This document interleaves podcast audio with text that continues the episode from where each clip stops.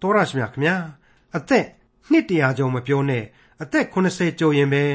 ဒီကမ္ဘာပေါ်မှာအသက်ရှည်ရှည်နေရတယ်လို့ပြောနေကြရတဲ့လူလောကကမ္ဘာကြီးမှာလူတွေဟာဘာကြောင့်များတူဦးနဲ့တူဦးအုပ်စုတစ်စုနဲ့တစ်စုလူမျိုးတစ်မျိုးနဲ့တစ်မျိုးတနိုင်ငံနဲ့တနိုင်ငံပြဿနာတွေပွားပြီးအချင်းများနေကြတာပါလေအကြောင်းကတော့အမျိုးမျိုးရှိကြပါတယ်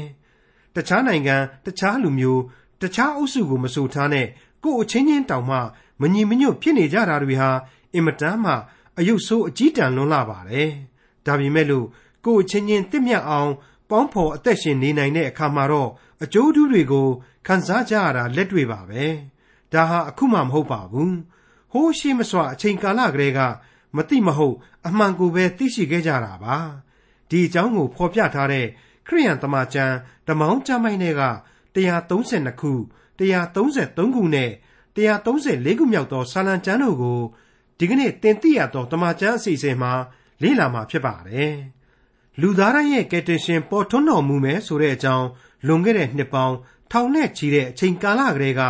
ဖော်ပြထားခဲ့တယ်ဆိုတာကိုလည်းတွေ့ရမှာဖြစ်တဲ့132ခု133ခုနဲ့134ခုမြောက်သောစာလံကျမ်းတို့ကိုဒေါက်တာထွန်းမြတ်ရေးကအခုလိုရှင်းလင်းတင်ပြมาဖြစ်ပါတယ်။ သင်သိရသောတမန်ကျမ်းရဲ့မိတ်ဆွေတော်တတ်ရှင်အပေါင်းတို့ခမညာဒီကနေ့အဖို့ကျွန်တော်တို့အတူတကွလေ့လာရမယ့်132ခုမြောက်သောစာလံတည်ခြင်းကတော့လောကဒဏ်လူသားခရီးသွားများရဲ့တန်တရာခရီးစဉ်ကြီးအကြောင်းဖြစ်ပါတယ်။ဆာလံအစုအဖွဲ့ထဲမှာပါဝင်တဲ့ဆာလံတည်ခြင်းတစ်ခုဖြစ်တယ်လို့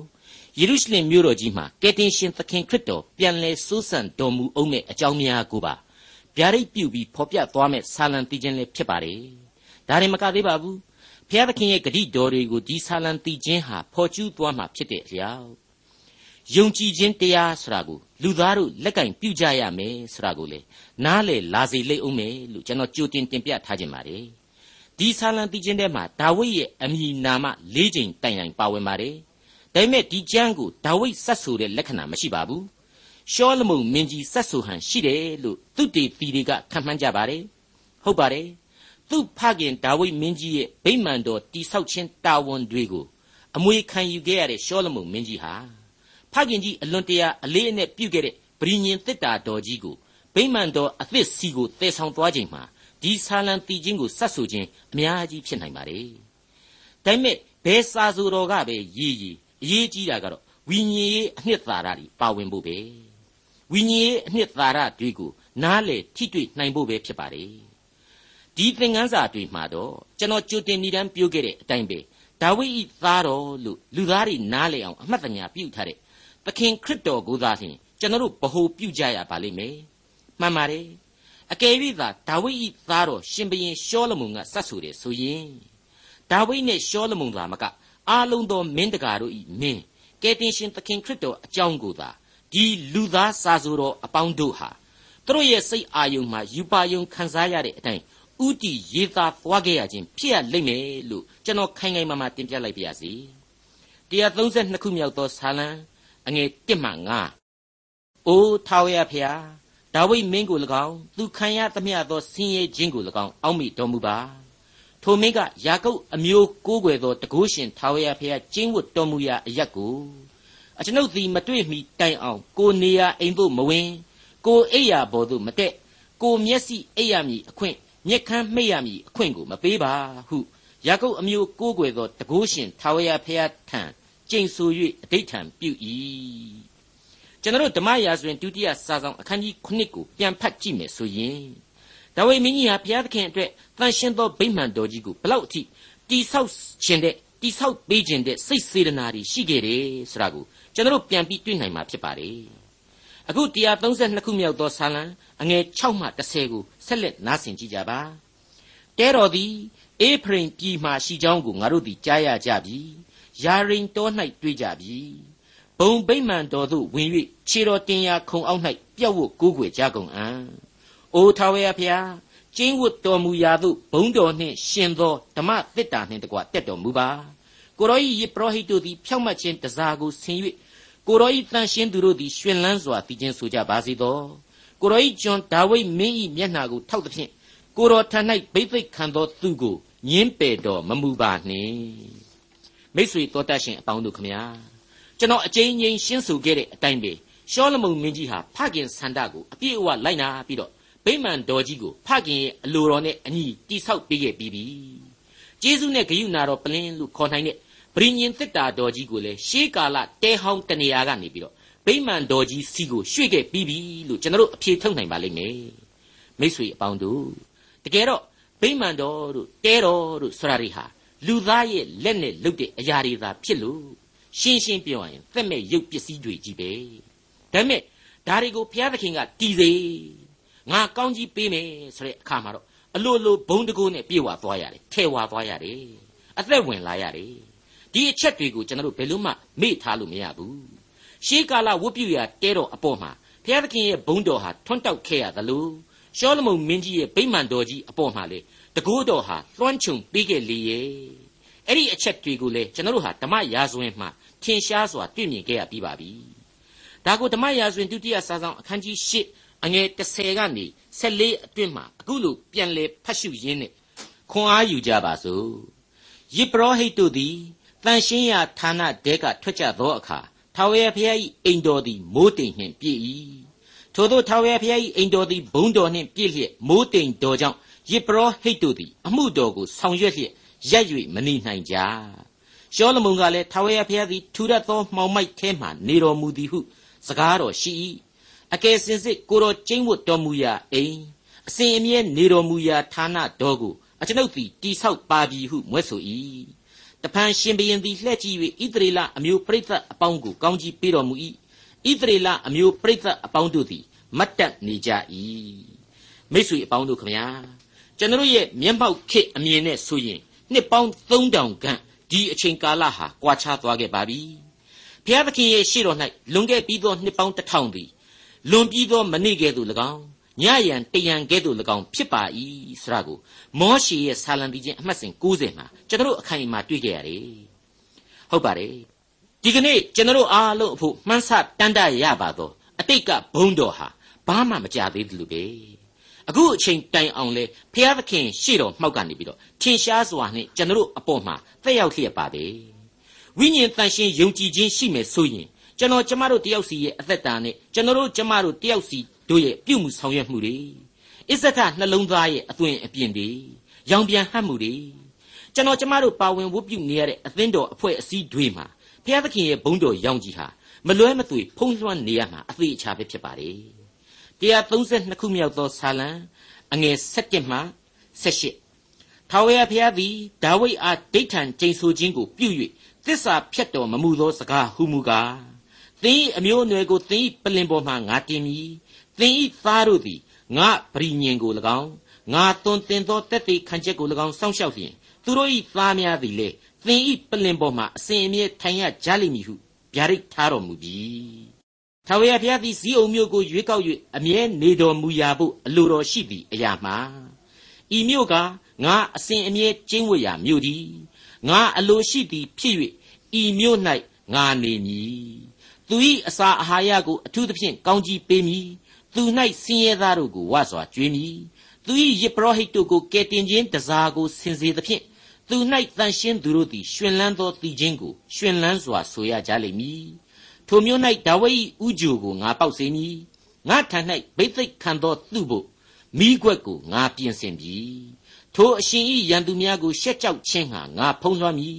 သူ၏ဥယျတရဖူသည်ဘုံပွင့်လျက်ရှိလိမ့်မည်ဟုဗျာဒိတ်တော်ရှိ၏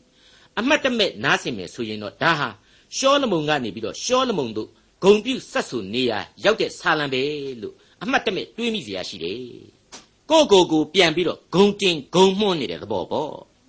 လူသားတယောက်အနေနဲ့ကိုယ့်ရဲ့ယာဇပလင်ကိုယ့်ရဲ့အာနာကိုကိုရစ်မှုနေတဲ့အချိန်မှာဒီလိုပဲကိုကိုကိုဂုံတင်နေဆိုရင်လေကျွန်တော်တို့ကမဟုတ်ဘူးလို့အတင်းညင်းလို့တော့လည်းမရကောင်းပါဘူးဒါပေမဲ့တိသင်ဤအမျိုးအနွယ်ဆရာဟာ ရှောလမုန်တဲ့ကြော်လွန်ပြီးတော့နောက်ထပ်နှစ်ပေါင်းတစ်ထောင်အကြာမှာလူစားတိကိုခံယူသောသခင်ခရစ်တော်ကိုရည်ညွှန်းဆိုလိုတယ်နှစ်သင်ဤသားတို့သည်ရာဇပလင်ပေါ်မှာအစဉ်အမြဲထိုင်ရလိမ့်မည်ဆိုတာဟာခရစ်တော်ဤကယ်တင်ခြင်းကျေးဇူးတော်ကိုလက်ခံသူဘုရားသခင်သားသမီးများဖြစ်သူအလုံးကိုသာဥတီရည်ညွှန်းခြင်းဖြစ်နိုင်တယ်။ဘာဖြစ်လဲဆိုတော့ဒါဝိဒ်ရဲ့မျိုးဆက်ဣသရေလဘုရင်တွေဟာအဆက်20တောင်မှစံချိန်မီအောင်ရဇပလင်မှာမမြဲပဲနဲ့ အစုလိုက်အပြုံလိုက်ကျွံဖြစ်ကုန်ခဲ့ရတယ်မဟုတ်ဘူးလားအခုလောကရန်ခရီးပဲလောကရန်ခရီးပဲဆိုပြီးတော့ကျွန်တော်ကတင်စားရင်းနဲ့ဒီဆာလံကနေဆင့်ဖော်ပြပေးနေတဲ့ပြိဿတ်တွေဟာကိုဘုရားသခင်ရဲ့သနာခြင်းဂရုဏာကြောင့်သာလျှင်ကျွန်ဘဝကနေပြန်လေလွတ်မြောက်လာကြရတယ်ဆိုတာမဟုတ်ဘူးလားအဲ့ဒီသစ္စာတရားတွေကိုကျွန်တော်အလေးအနက်သတိထားပြီးမှဒီဆာလံကိုအတိတ်ပဲဖော်ညွှန်းကြရလိမ့်မယ်အတိတ်ပဲပြန်ဆိုကြရလိမ့်မယ်သုံး ငါထံ၌ဘိသိက်ခံသောသူ့အဖို့မိကွက်ကိုငါပြင်ဆင်ပြီဆရာဟာနှုတ်ကပတ်တော်ကိုပြင်ဆင်ပေးခဲ့ခြင်းကိုဆိုလိုခြင်းမရှင်းဘူးလားတနည်းအားဖြင့်ခရစ်တော်အားဖြင့်ပြည့်ညတ်တော်ကာလရဲ့အကျင့်တရားတွေအစားဂျေဇုနဲ့ဂယုဏတော်လမ်းအသစ်ကိုဘုရားသခင်ချထားပေးလိုက်ပြီဆိုတာကိုတင်စားဖော်ညွှန်းခြင်းပဲလေးသူဤဥယျတရဖူသည်ဘုံပွင့်လျက်ရှိလိမ့်မည်တဲ့အဲ့ဒါဟာအနန္တကာလရဲ့ ဘုံပွင့်ခြင်းကိုထင်ရှားစွာဖော်ပြလိုက်တာပါပဲဒါကြောင့်မလို့အခု132ခုမြောက်သောဆာလံတီခြင်းဟာမေရှိယကယ်တင်ရှင်သခင်ခရစ်တော်ရဲ့ဒုတိယအကြိမ်ကြွလာတော်မူခြင်းအကြောင်းကိုသာလျှင်ကြိုတင်ဖော်ပြလိုက်သောဗျာဒိတ်တော်ဖြစ်တဲ့အကြောင်းလေးစားစွာတင်ပြလိုက်ပါတယ်တောတာရှင်မိတ်ဆွေအပေါင်းတို့ခမညာယုံကြည်သူတို့၏မေတ္တာအထုံးအဖွဲ့ဟာဘလောက်အထိအရေးကြီးတယ်ဆိုတာကိုလောကတန်တရားခရီးသည်တို့အဖို့ဆာလံဆရာကနေတဆင့် ဘုရားသခင်ဟာဆက်လက်သွန်သင်ပေးသွားအောင်မှာဖြစ်ပါတယ်ဒါကိုအခုရောက်ရှိလာတဲ့133ခုမြောက်သောဆာလံဟာစိစက်သေးကြစွာဖော်ညွှန်းသွားပါလိမ့်မယ်133ခုမြောက်သောဆာလံအငယ်1မှအဆုံးအထိညီအကိုတို့သည်သဘောတူလျက်ပေါင်းဖော်ကြသည့်အရာမှအလွန်ကောင်းပေ၏အလွန်တင့်တယ်လျောက်ပတ်ပေ၏အာယုံဤခေါင်းပေါ်မှလောင်းလျက်သူဤမုတ်စိတ်သို့စီး၍လေစွတ်တိုင်အောင်ကြသောနတ်သာစီကဲ့သို့ဖြစ်၏ ဟေရမုန်တောင်နှင့်ဇီးအောင်တောင်ရိုးပေါ်သို့ကြသောနှင်းကဲ့သို့ဖြစ်၏ထိုသို့နေကြသောအရ၌ထာဝရဘုရားသည်အစဉ်အမြဲအသက်ရှင်ခြင်းအခွင့်ဒီဟုသောကောင်းကြီးမင်္ဂလာကိုစီရင်တော်မူ၏မိษွေတော်တတ်ရှင်အပေါင်းတို့ခမညာကျွန်တော်ပြီးခဲ့တဲ့သင်ခန်းစာတွေမှာဖော်ပြပေးခဲ့ပြီးပါပြီမေရှက်ပြီဆိုတဲ့ဒဇိမ့်တယံဇန်တို့ရဲ့လက်အောက်ခံကျွန်ဘဝအဖြစ်သွားရောက်နေထိုင်ခဲ့ရခြင်းကေရာတဲလို့ခေါ်တဲ့ဆွေမျိုးတော်သူ အခြားပတ်ဝန်းကျင်ကလူမျိုးတို့ရဲ့ဖန်စီအကျဉ်းချမှုတွေကနေလွတ်မြောက်လာရသူဣသရေလအပေါင်းတို့ဟာတကယ်တော့ဒီဆာလံတီချင်းများမှာတရုတ်ဆောင်နေရသူလောကရန်ခရီးသည်တွေသာဖြစ်ကြပါတယ်လွတ်ပြီးကျွတ်ပြီးဆိုပြီးတော့ဘုရားသခင်အိမ်တော်တီယာစီးအောင်တောင်းနဲ့ယေရုရှလင်ဘိုးဘေးတို့ခေတ်ကလေးကမင်းတို့အပိုင်စားစီဆိုတဲ့ခါနန်ဒေသကိုသူတို့ပြန်လာခွင့်ရခဲ့ကြပါတယ်ဒီခါမှာတော့သူတို့နဲ့အတူမိသားစုဆွေမျိုးအတိုင်းဝိုင်းကြီးတွေလည်းအသီးသီးအသက်က ပါဝင်လာခဲ့ကြလိမ့်မယ်လို့သဘာဝကြကြတွေးဆနိုင်ပါတယ်ဒီခါမှာတော့လောကရန်ခရီးသည်တို့ရဲ့တန်တရားလမ်းပေါ်မှာသူတို့ဟာမိသားစုအလိုက်အချင်းချင်းမိသဟာယဖွဲ့ခွင့်ကြုံကြရတယ်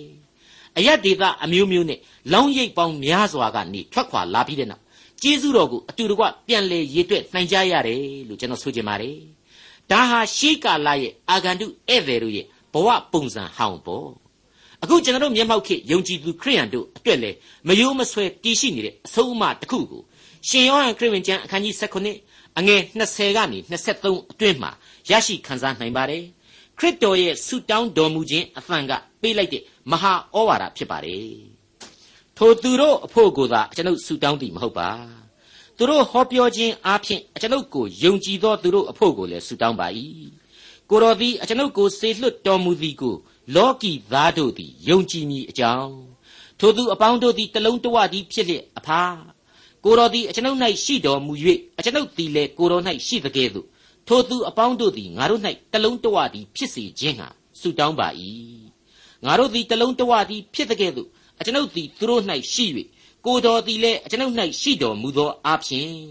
သူတို့သည်တလုံးတဝသည်ဖြစ်၍တလုံးတဝသည်၌စုံလင်စေခြင်းဟာ၎င်း ကိုတော်သည်အကျွန်ုပ်ကိုဆေလွတ်တော်မူကြောင်းနှင့်အကျွန်ုပ်ကိုချစ်တော်မူသကဲ့သို့သူတို့ကိုလည်းချစ်တော်မူကြောင်းကိုလောကီသားတို့သည်သိစေခြင်းဟာ၎င်းကိုတော်သည်အကျွန်ုပ်အားပေးတော်မူသောဘုံအသရေကိုအကျွန်ုပ်သည်သူတို့အားပေးတော်မူပြီအဲ့ဒီတော့ခရစ်တော်အားဖြင့်ဘုရားသခင်ကောင်းကင်အမွေကိုခံယူရတယ်ဘုရားသခင်ရဲ့သားသမီးများဖြစ်လာကြလို့ဘုရားဖြစ်ကြ၏ဆိုပြီးတော့တောင်းမှသတ်မှတ်ခြင်းခံရတဲ့ကျွန်တော်တို့ဟာ ဘုရားသခင်ဘက်၌တလုံးတဝတည်းဖြစ်ဖို့အစဉ်တစိုက်ကြိုးစားအားထုတ်ကြရလိမ့်မယ်မေတ္တာတော်ရိပ်အောင်မှာတဆူရီသောသခင်ဘုန်းတော်ကိုတူပြိုင်ထွန်းလင်းထင်ရှားနိုင်အောင်ကြိုးပမ်းအားထုတ်ကြရပါလိမ့်မယ်လူတကိုအမြင်တစ်မျိုးစီဆိုတော့ဒါဟာလွယ်နိုင်ပါမလားဆိုရင်တော့လေလွယ်မှာတော့မဟုတ်ပါဘူးဒါပေမဲ့ဘာပဲပြောပြောအေဖက်ဩဝါဒစာအခန်းကြီး၄မှာဆုံးမထားတဲ့အချက်ဟာအတော်စိတ်ဝင်စားဖို့ကောင်းပါတယ်အေဖက်ဩဝါဒစာအခန်းကြီး၄အငယ်၁မှ6 ခေါ်တော်မူခြင်းကျေးဇူးတော်ကိုသင်တို့သည်ခံရသည်နှင့်အထိုက်အလျောက်ကျင့်ဆောင်ရမည်အကြောင်းသခင်ဖျားအတွက်ကြောင့်အကျဉ်းခံရသောငါသည်သင်တို့ကိုတိုက်တွန်းနှိုးဆော်ပါ၏အရာရာ၌စိတ်နှိမ်ချခြင်းနူးညံ့သိမ်မွေ့ခြင်းစိတ်ရှည်ခြင်းနှင့်ပြည့်စုံသဖြင့်မေတ္တာစိတ်နှင့်တယောက်ကိုတယောက်သီးခံခြင်းရှိကြ၍အသင့်အတင့်ပေါင်းဖော်ခြင်းအဖွဲ့အစည်းအားဖြင့်သင်တို့သည်အချင်းချင်းစိတ်တော်မချမနာတလုံးတဝသည်ဖြစ်အံ့သောငါကြိုးစားအားထုတ်ကြလော့ သင်တို့ကိုခေါ်တော်မူခြင်းနှင့်ဆက်ဆိုင်သောမျှော်လင့်ခြင်းတပါးတည်းသို့ခေါ်သွင်းတော်မူသည်နှင့်အညီကိုတကူဝိနှံ့ပြတော်မူ၏ခတ်သိမ်းသောငါတို့၏အထဲ၌လေရှိတော်မူ၏တဲ့အဲ့ဒီတော့မတူရကြပါအနာဂတ်မှရှင်းလင်းစွာမြင်ရတဲ့အချက်ပါပဲဟေရမုန်တောင်နှင့်ဇီးုံတောင်ရိုးအပေါ်သို့ကျသောနှင်းကဲ့သို့ဖြစ်၏ထိုသို့နေကြသောအရ၌ထာဝရဘုရားသည်အစဉ်အမြဲအသက်ရှင်ခြင်းအခွင့်ကြီးဟုသောကောင်းကြီးမင်္ဂလာကို စီရင်တော်မူ၏နှုတ်ကပတ်တော်ဆိုတဲ့အသက်လမ်းဟာအလွန်အလွန်ပြည်ပြင်းတဲ့ထာဝရရှင်သန်ခြင်းအကြောင်းကိုဘယ်တော့မှအလျှော့မပေးစရန်ဖော်ပြနေတယ်မိတ်ဆွေအပေါင်းတို့ခမညာတချို့နားမလဲတဲ့လူတွေအဖို့ခရစ်တော်ပေါ်ထွန်းလာမှပဲခရိယန်ဆိုတာဖြစ်လာတယ်အယူအဆသစ်တစ်ခုထွန်းကားလာတယ်စသဖြင့်တွေးကြပါတယ်မဟုတ်ပါဘူးခရိယန်ဆိုတာဟာခရစ်တော်နာမတော်အဖြစ်ခရိယန်ဖြစ်လာတာကတော့မှန်တယ် အသက်ရှင်တော်မူသောဘုရားသခင်ရဲ့ကယ်တင်ရှင်ယေရှုဆိုတာဟာအနန္တကာလကလေးကတည်ရှိခဲ့ပြီးသားအဲ့ဒီကယ်တင်ရှင်ယေရှုတော်ရဲ့တခုတည်းသောရလတ်ကတော့အတူဆုံးပြောရရင်ရှင်သန်ခြင်းအခွင့်ပဲဟုတ်ပါတယ်သူကိုယ်တိုင်မြေမုံကနေပြီးတော့ဖန်ဆင်းပေးလိုက်တဲ့လူတ attva ကိုသူကိုယ်တိုင်ဇီဝအသက်ကိုမှုတ်သွင်းပေးခဲ့တဲ့ဘုရားသခင်ဟာဒီအသက်နဲ့ဒီလူသားကိုအမြဲတမ်းကယ်တင်နေမယ်ဆိုတာဟာအသေးစိတ်သာမသိချင်ရင်နေရမယ်။တာမန်အုံနောက်ကလေးနဲ့တောင်မှ အမှန်ပဲသဘောပေါက်နိုင်လောက်တယ်လို့ကျွန်တော်ဖော်ပြခြင်းပါတယ်။မိษွေတော်တတ်ရှင်အပေါင်းတို့အခုအချိန်မှာတော့လောကရန်ဤအာဂန္တုခရီးသည်များရဲ့အကြောင်းဒီကိုဖော်ပြတဲ့ဆာလံတွေဟာ134ခုမြောက်သောဆာလံအားဖြင့်တက္ကန္တပြီးဆုံးတော့မှာဖြစ်ပါတယ်။လောကရန်ခရီးသည်တို့ရဲ့နှုတ်ဆက်ဂုံပြုတန်ဆိုရင်လည်းမှားမယ်မထင်ပါဘူး။134ခုမြောက်သောဇာလံအငယ်1မှ3ထာဝရဘုရား၏အိမ်တော်၌ညရန်စောင့်သောထာဝရဘုရား၏ကျွန်တော်အပေါင်းတို့ ထာဝရဘုရားကိုကောင်းကြီးပေးကြလော့တန်ရှင်းရာဌာနတော်သို့လက်ကိုချီ၍ထာဝရဘုရားကိုကောင်းကြီးပေးကြလော့ကောင်းကင်နှင့်မြေကြီးကိုဖန်ဆင်းတော်မူသောထာဝရဘုရားသည်ဇီးအောင်တောင်ပေါ်ကသင့်ကိုကောင်းကြီးပေးတော်မူပါစေသောဖုတ်ဖုတ်ညံ့ညံ့ကြေသွားအောင်ခံစားခဲ့ရတဲ့ကျွန်အတိတ်ကနေထွက်လာပြီးကြတဲ့ကဘိုးဘေးတို့ရဲ့အမှားတွေအားနည်းချက်တွေအဲ့ဒီအမှားတွေကြားထဲကပဲခံစားခဲ့ရတဲ့ကောင်းကြီးမင်္ဂလာတွေစသဖြင့်စသဖြင့်သမိုင်းသင်ခန်းစာတွေကို သူတို့စဉ်းစားပြီးတော့သံဝေကရခဲ့ကြရတဲ့လက္ခဏာရှိတယ်ပြီးနောက်မှာတော့အမြဲတည်ရှိနေတဲ့အဖဖရာသခင်ရဲ့ကျေးဇူးတော်ပေါ်ထွန်းရာကောင်းကင်ဘုံအရက်ကိုသူတို့မျှော်ကြည့်ခဲ့ကြတယ်ဆိုတာကိုကျွန်တော်တို့တွေ့ရတယ်ဘုရားသခင်မပါဝင်တဲ့အသက်တာခရီးရဲ့ကြောက်မဲ့ဖွယ်ဖြစ်ရအပေါင်းတို့ကိုသူတို့စဉ်းစားခဲ့ကြတယ်ဖျားသခင်နဲ့သာအသက်တာကိုရှောက်လှမ်းကြရလိမ့်မယ်ဆိုတဲ့သင်ခန်းစာတွေကိုသူတို့ရယူခဲ့ကြရပါတယ်ဖျားသခင်ဟာကိုယ့်ရဲ့တူးချင်းဘဝအတွက်သာမက ကိုယ့်ရဲ့ဘဝမှာလိုအပ်တဲ့အိမ်တောင်မိသားစုမှအစလူအဖွဲ့အစည်းကြီးတစ်ခုလုံးကိုကောင်းကြီးပေးနေတယ်လူသားဟာလူသားပီပီသသလူဘဝတာဝန်တွေကိုထမ်းဆောင်သွားကြရလိမ့်မယ်ကြေပြွန်သွားကြရလိမ့်မယ်တစ်ချိန်တည်းမှာလူဘဝတဏှာဆွဲလန်းရာကိုယ့်ရဲ့ဇာတိပဂရိသဘာဝတဲ့အသက်ရှင်တော်မူသောဘုရားသခင်ကိုသာအစဉ်တစိုက်ကိုးကွယ်ဝတ်ပြုသွားကြရမယ်ဘုရားသခင်ရဲ့အလိုတော်ကိုသာအစဉ်မပြတ်ဝန်ခံပြီးတော့အသက်ရှင်ကြရလိမ့်မယ်စသည်စသည်ဖြင့် အာဂန္တုခရီးသွားလောကရန်ဧည့်သည်အပေါင်းတို့ဟာအလွန်ကောင်းမွန်တဲ့သင်ခန်းစာများကိုရယူခဲ့ကြတဲ့လက္ခဏာကိုဆာလံတီချင်းတွေမှာရှင်းရှင်းကြီးကျွန်တော်တို့တွေ့နေရပါတယ်အဲ့ဒီလိုလောကရန်ခရီးစဉ်မြင်ကွင်းထဲမှာမှဘုရားသခင်ထည့်သွင်းဖော်ပြထားတဲ့ဗျာဒိတ်တော်ဆိုတာတွေကိုပါဆက်ပြီးကျွန်တော်တို့ထိတွေ့ခံစားခဲ့ကြရပါတယ်ဟုတ်ပါတယ်နှုတ်ကပတ်တော်ရဲ့ရှင်စီအနှစ်သာရဖြစ်တဲ့လူသားတိုင်းခံစားရယူရာရှင်သန်ခွင့်ဆိုတဲ့အကြောင်းပဲ ထာဝရအသေးဆိုတဲ့သစ္စာတရားရဲ့အကြောင်းပဲအဲ့ဒီအချက်တွေကိုဖော်ပြရမှာတွန်တွဲနေတာကတော့ခရစ်တော်ရဲ့ဒုတိယအကြိမ်ကြွလာတော်မူခြင်းနိုင်ငံတော်ကိုယေရုရှလင်မြို့နဲ့စီးုံတောင်မှတဆင့်အုပ်စိုးတော်မူခြင်းအကြောင်းများပဲဖြစ်ပါတယ်အခုကျွန်တော်တို့လေ့လာနေတဲ့ဆာလံတီချင်းများဟာဖြင့်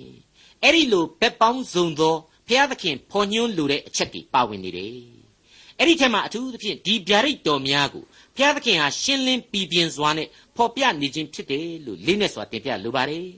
ဘုရားသခင်ရဲ့ကျေးဇူးတော်များအဖြစ်ကျွန်တော်လေးနဲ့စွာခံယူမိပါတယ်မိတ်ဆွေအပေါင်းတို့84ခုမြောက်သောဆာလံမှာတော့ကဆိုရင်တတိုင်းတော်တို့အတွင်း၌နေရသောနေ့ရက်တရက်သည်အခြားအရ၌နေရသောအရက်တစ်ထောင်တည်းသာ၍ကောင်းပါ၏မတရားသောသူ၏နေရာ၌နေရသောအခွင့်တဲ့အကျွန်ုပ်၏ဘုရားသခင်အိမ်တော်၌တကဆောင်အရာကိုအကျွန်ုပ်သာ၍နှစ်သက်ပါ၏လို့တွေ့ကြရပြီဖြစ်ပါတယ်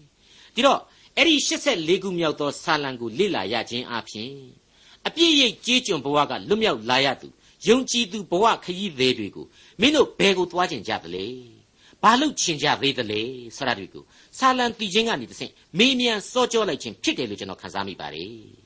မိษွေတို့ကျွန်တော်တို့အဖို့ဒီမေခွန်းတွေကိုဘယ်လိုဖြေကြမှာလဲကိုကိုကိုဆန်းစစ်ရင်းနဲ့ဖြေဖို့အဖြေကိုရှာကြည့်ကြပါ